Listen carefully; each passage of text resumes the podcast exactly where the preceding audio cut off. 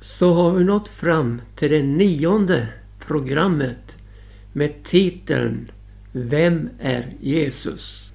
Och vi har varit runt på olika platser bland olika människor som har mött Jesus och upplevt, ja upplevt verkligen vem han är. Och idag ska vi börja med det som vi väl får beteckna som grundtexten när det gäller den här frågan. Det är ifrån Matteus 16 kapitel och den trettonde versen som jag vill läsa. Men när Jesus kom till trakten av Caesarea Filippi frågade han sina lärjungar och sa Vem säger folket Människosonen vara?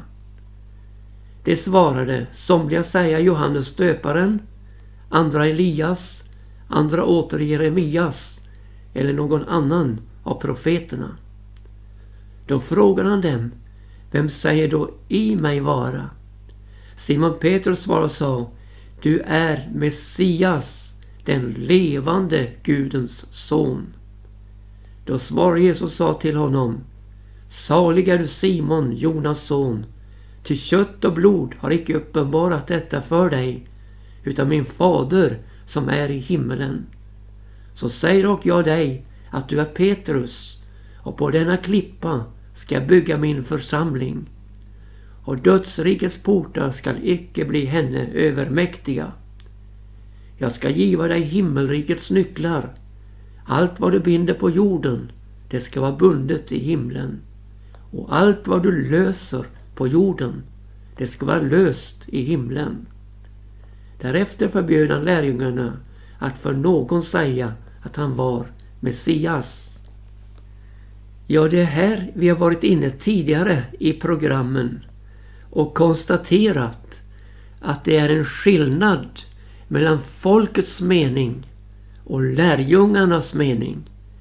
De som var långt ifrån Jesus och de som stod tätt på. Och det är ju helt uppenbart att de som är nära på vet mycket bättre vem Jesus är än de som är långt borta. Men inte nog med detta. Utan vi möter detta förunderliga som Jesus säger. Att kött och blod har icke uppenbarat detta för dig utan min fader som är i himmelen. Ja, denna uppenbarelse den skedde ju i Jesu närhet. När de såg på Jesus. Då märkte de vem han var. För där i låg ju Faderns uppenbarelse. Nämligen Jesus själv. Som det då heter i Johannes första kapitels fjortonde vers. Ordet var kött och tog sin boning ibland oss. Och vi såg hans härlighet. Vi såg liksom en enfödd sons härlighet från sin fader. Och han var full av nåd och sanning. Och denna uppenbarelse visar på vem Gud är. Vi går till 18 versen. Ingen har någonsin sett Gud den enfödde sonen som är i faderns sköte, han har kungjort vad Gud är. Så i denna mäktiga uppenbarelse av Jesus, när han vandrar ibland oss, går omkring, gör väl och hjälper alla. I den uppenbarelsen av Jesus ligger Vissheten om vem han är. Vissheten om vem Fadern är. Så det ligger en underbar kungörelse i varje steg Jesus tar. Kungörelse om vem Jesus är, vem Fadern är. Ja, uppenbarelsens ljus lyser in i vår själ i närheten av Jesus när vi vandrar med honom. Detta är ju helt underbart. Han håller oss inte i tveksamheter och undran.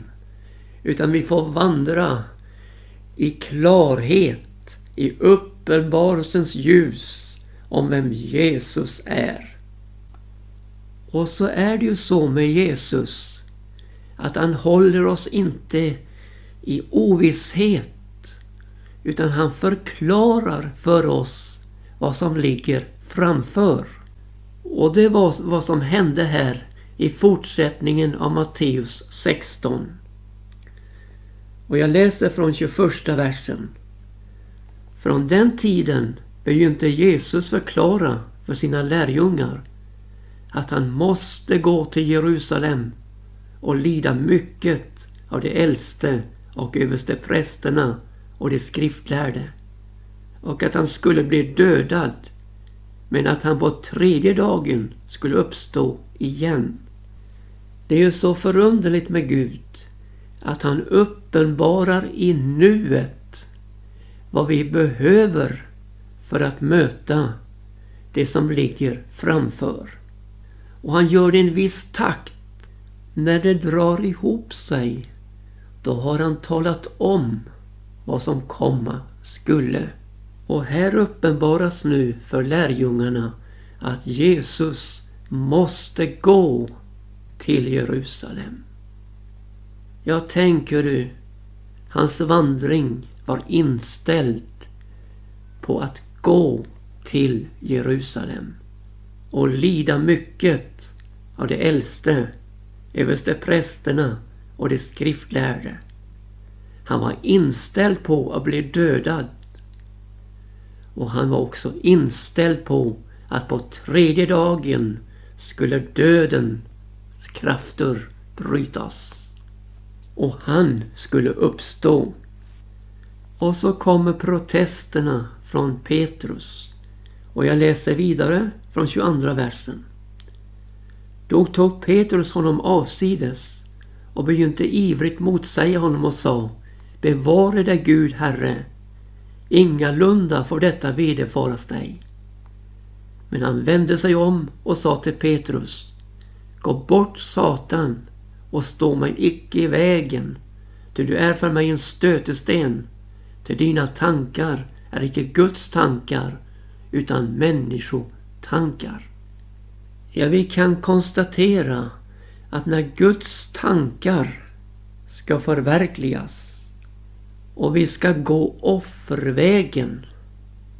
Då kommer människotankarna fram med sin inspiration från mörkrets makt. Jesus fortsätter ju sin kungörelse för lärjungarna och säger då från den 24 versen. Därefter sa Jesus till sina lärjungar Om någon vill efterfölja mig så försakar han sig själv och tagit sitt kors på sig, så följer han mig. Till den som vill bevara sitt liv, han ska mista det. Men den som mister sitt liv för min skull, han ska finna det. Och vad hjälper en människa om hon vinner hela världen men förlorar sin själ? Eller vad kan en människa ge till lösen för sin själ? Människosonen ska komma i sin faders härlighet med sina änglar och då skall han vedergälla var och en efter hans gärningar.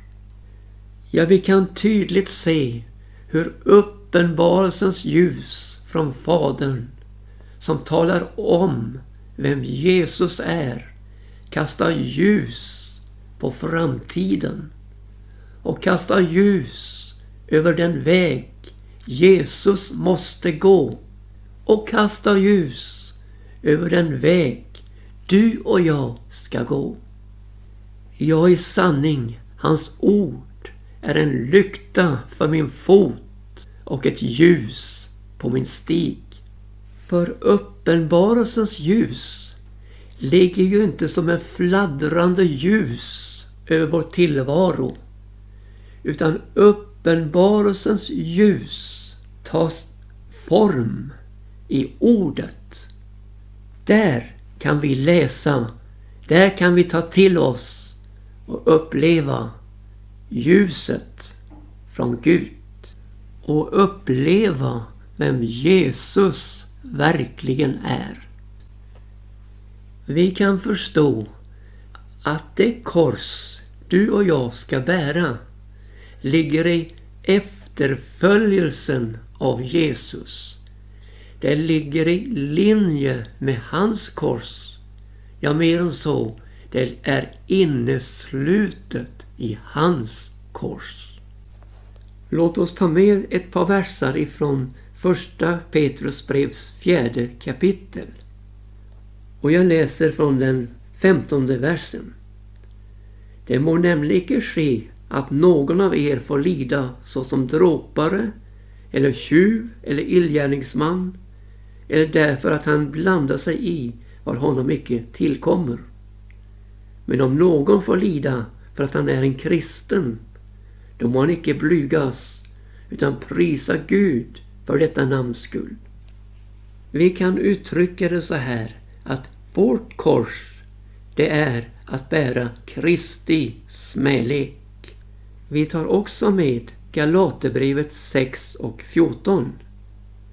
Där säger Paulus Men vad mig angår så var det fjärran ifrån mig att berömma mig av något annat än av vår Herres Jesu Kristi kors genom vilket världen för mig är korsfäst och jag för världen. Det är så oerhört gripande att ta del av hur den religiösa makten och den världsliga makten ställs inför vem Jesus är vid korset. Här bryts de mänskliga meningarna av Jesu klara vittnesbörd om vem han är. Efter det nattliga gripandet i örtagården där Jesus sedan blev förd till översteprästens gård så blir det dag. Och nu vill jag läsa från Lukas 22 kapitel 36 versen. Men när det blev dag församlade folkets äldste och översteprästerna och de skriftlärde och lät föra honom inför sitt stora råd och sa Är du Messias, så säg oss det. Men han svarade dem Om jag säger er det, så tror ni det icke. Och om jag frågar, så svarar ni icke.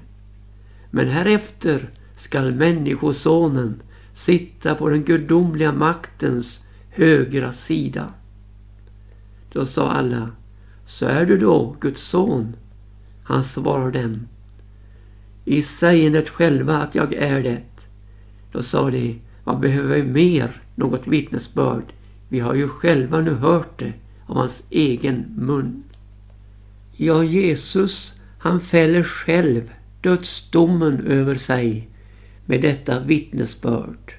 Men mer än så, han klargör med en oerhörd tydlighet och skärpa att han är den levande Guds son. Som efter utståndet lidande ska gå in i härligheten hos Gud. Och då sitta i denna suveräna ställning på den gudomliga maktens högra sida i himmelen. Skymfad, bespottad, hånad här men upphöjd där. Så blir han förd till Pilatus med anklagelserna från den religiösa eliten så omformad att det verkliga grunden till deras dödsdom uteblir. Men istället så kommer det politiska fram och får sin framtoning i att han säger sig, säger de, att han är Messias, en konung. Och Pilatus han frågar Jesus, är du judarnas konung? Och nu vill jag läsa från Johannes 18 kapitels 34 vers. Jesus svarade, säger du detta av dig själv eller har andra sagt det om mig? Pilatus svarade, jag är väl icke en jude. Ditt eget folk och översteprästerna har överlämnat dig åt mig. Vad har du gjort? Jesus svarade, mitt rike är icke av denna världen. Om mitt rike vore av denna världen så hade väl mina tjänare kämpat för att jag icke skulle bli överlämnad åt judarna. Men nu är mitt rike icke av denna världen. Så sa Pilatus till honom, så är du dock en konung. Jesus svarade, du säger det själv att jag är en konung. Ja, därtill är jag född och därtill har jag kommit i världen, att jag ska vittna för sanningen. Var och en som är av sanningen, han hör min röst. Pilatus sa till honom, vad är sanning? När Jesus här vittnar med den goda bekännelsen inför Pontius Pilatus så träder ju fram detta med honom som en konung som inte är av denna världen och denna världens riken med lögnen som rådande element. Ja, med sanning i ord, med sanning i gärning, med sanning i hela hans person. Ja, personifierad sanning. Jesus är sanningen. Och nu börjar folkhopen att ropa ut sina korsfästrop. Korsfäst, korsfäst honom. Pilatus säger, ska korsfästa er konung. Då kommer det fruktansvärda avfallet på deras läppar. Vi har ingen annan konung än kejsaren. Så kommer Pilatus på att det finns ju faktiskt en sed här att jag kan inför högtiden släppa en fånge fri. Och så tänker han, jag sätter folket här på val att släppa Jesus fri och så tar jag en värsting, Barabbas, och ställer fram inför folket så får de välja. Så får vi se in i ondskans djup i folksjälen. Vem väljer man tror du? Man väljer Barabbas. Vad ska jag så göra med Jesus, judarnas konung? Ja, då ropar de ännu ivrigare korsfäst, korsfäst honom. Och ropen blir Pilatus övermäktiga. Så han bjuder att Jesus ska korsfästas. så går Jesu dyrbara steg mot huvudskalleplatsen mot Golgata. Och tänk du, han går själv dessa omåttligt tunga steg. Men han går dem för oss, för dig och mig, bärandes på korset.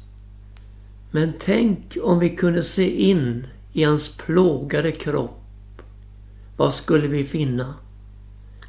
Vi skulle finna hela världens samlade synd lagd på honom. Johannes döparen, han hade pekat på Jesus och sagt Se Guds lamm som borttager världens synd. Och denna börda av din och min synd bär Jesus upp på korset och naglas fast där till händer och fötter. Och törnekronan var ju nedtryckt över hans gässa. Straffet för vår vilsenhet, där vi vandrat vår egen väg bort ifrån Gud. Straffet för våra syndfulla handlingar, vår missgärning, blev lagd på honom och vårt syndfulla tankeliv där Gud varit utestängt. Men all världens tankar av orättfärdighet och ondska i vår tanke, i vårt sinne, bar Jesus upp på korset. Ja, det var så illa ställt med oss var och en att vi var förlorade. Alla har syndat och saknar härligheten från Gud. Och vi var genom vår natur hemfallna åt vredesdomen. Ja, synden var ingen ytlig företeelse som slog till lite nu och då. Utan synden var ett med vår natur. I fråga om natur hemfallna åt vredesdomen. Men halleluja! Straffet blev lagt på Jesus för att vi skulle få frid. Och genom hans sår blir vi helade. Här får vi se som aldrig förr vem Jesus är. Se Guds lamm som borttager världens synd. En kristen blir aldrig färdig med Golgata.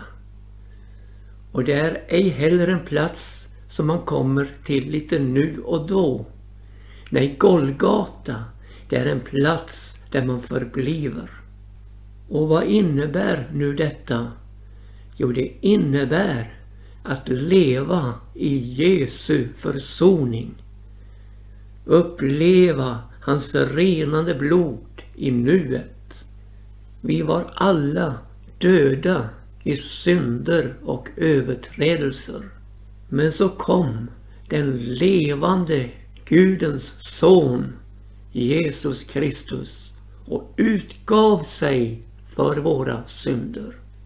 Han, Jesus Kristus, den ende rättfärdige. Han den levande Gudens son. Han som levde för Gud fullständigt gav livet för oss som var döda. Ja, just det, i synder och överträdelser. Döda, borta från Gud. Utan hopp och utan Gud i världen. Fullständigt förlorade.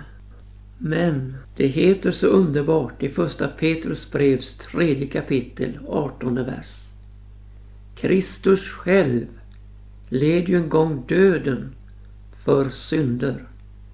Rättfärdig led han för orättfärdiga på det han skulle föra oss till Gud. Och så blev det så helt underbart att den som tror på honom skall icke förgås men få evigt liv. När Jesus ropar ut triumfropet över Golgata, det är fullbordat. Då var frälsningsverket för dig och mig fullständigt fullbordat. Vi ska strax få höra den underbara sången Golgata täcker min skuld. En liveinspelning från ett tältmöte. Men innan dess vill jag ställa frågan till dig, min lyssnare. Har du varit vid Golgata? Och är du vid Golgata? Har förlåtelsen för dina synder, reningen i Jesu blod blivit en erfarenhet i ditt liv. Åkalla det underbara frälsarnamnet Jesus och du ska uppleva hans frälsning i ditt liv. Golgata täcker min skuld. Vi är fläckade liv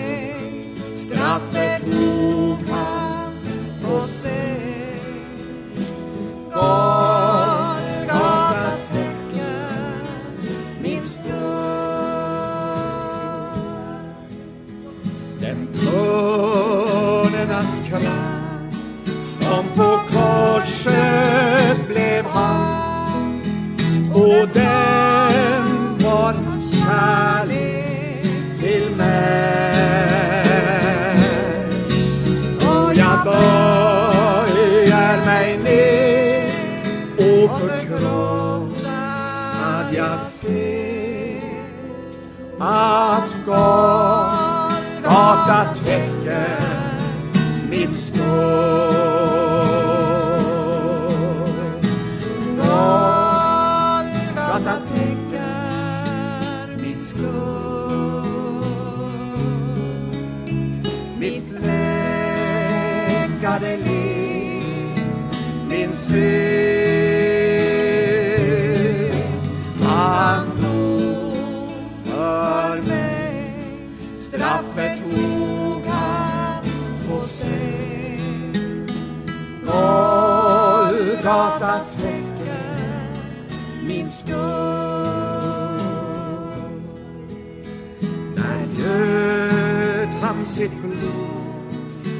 denna frälsare gå för att vittna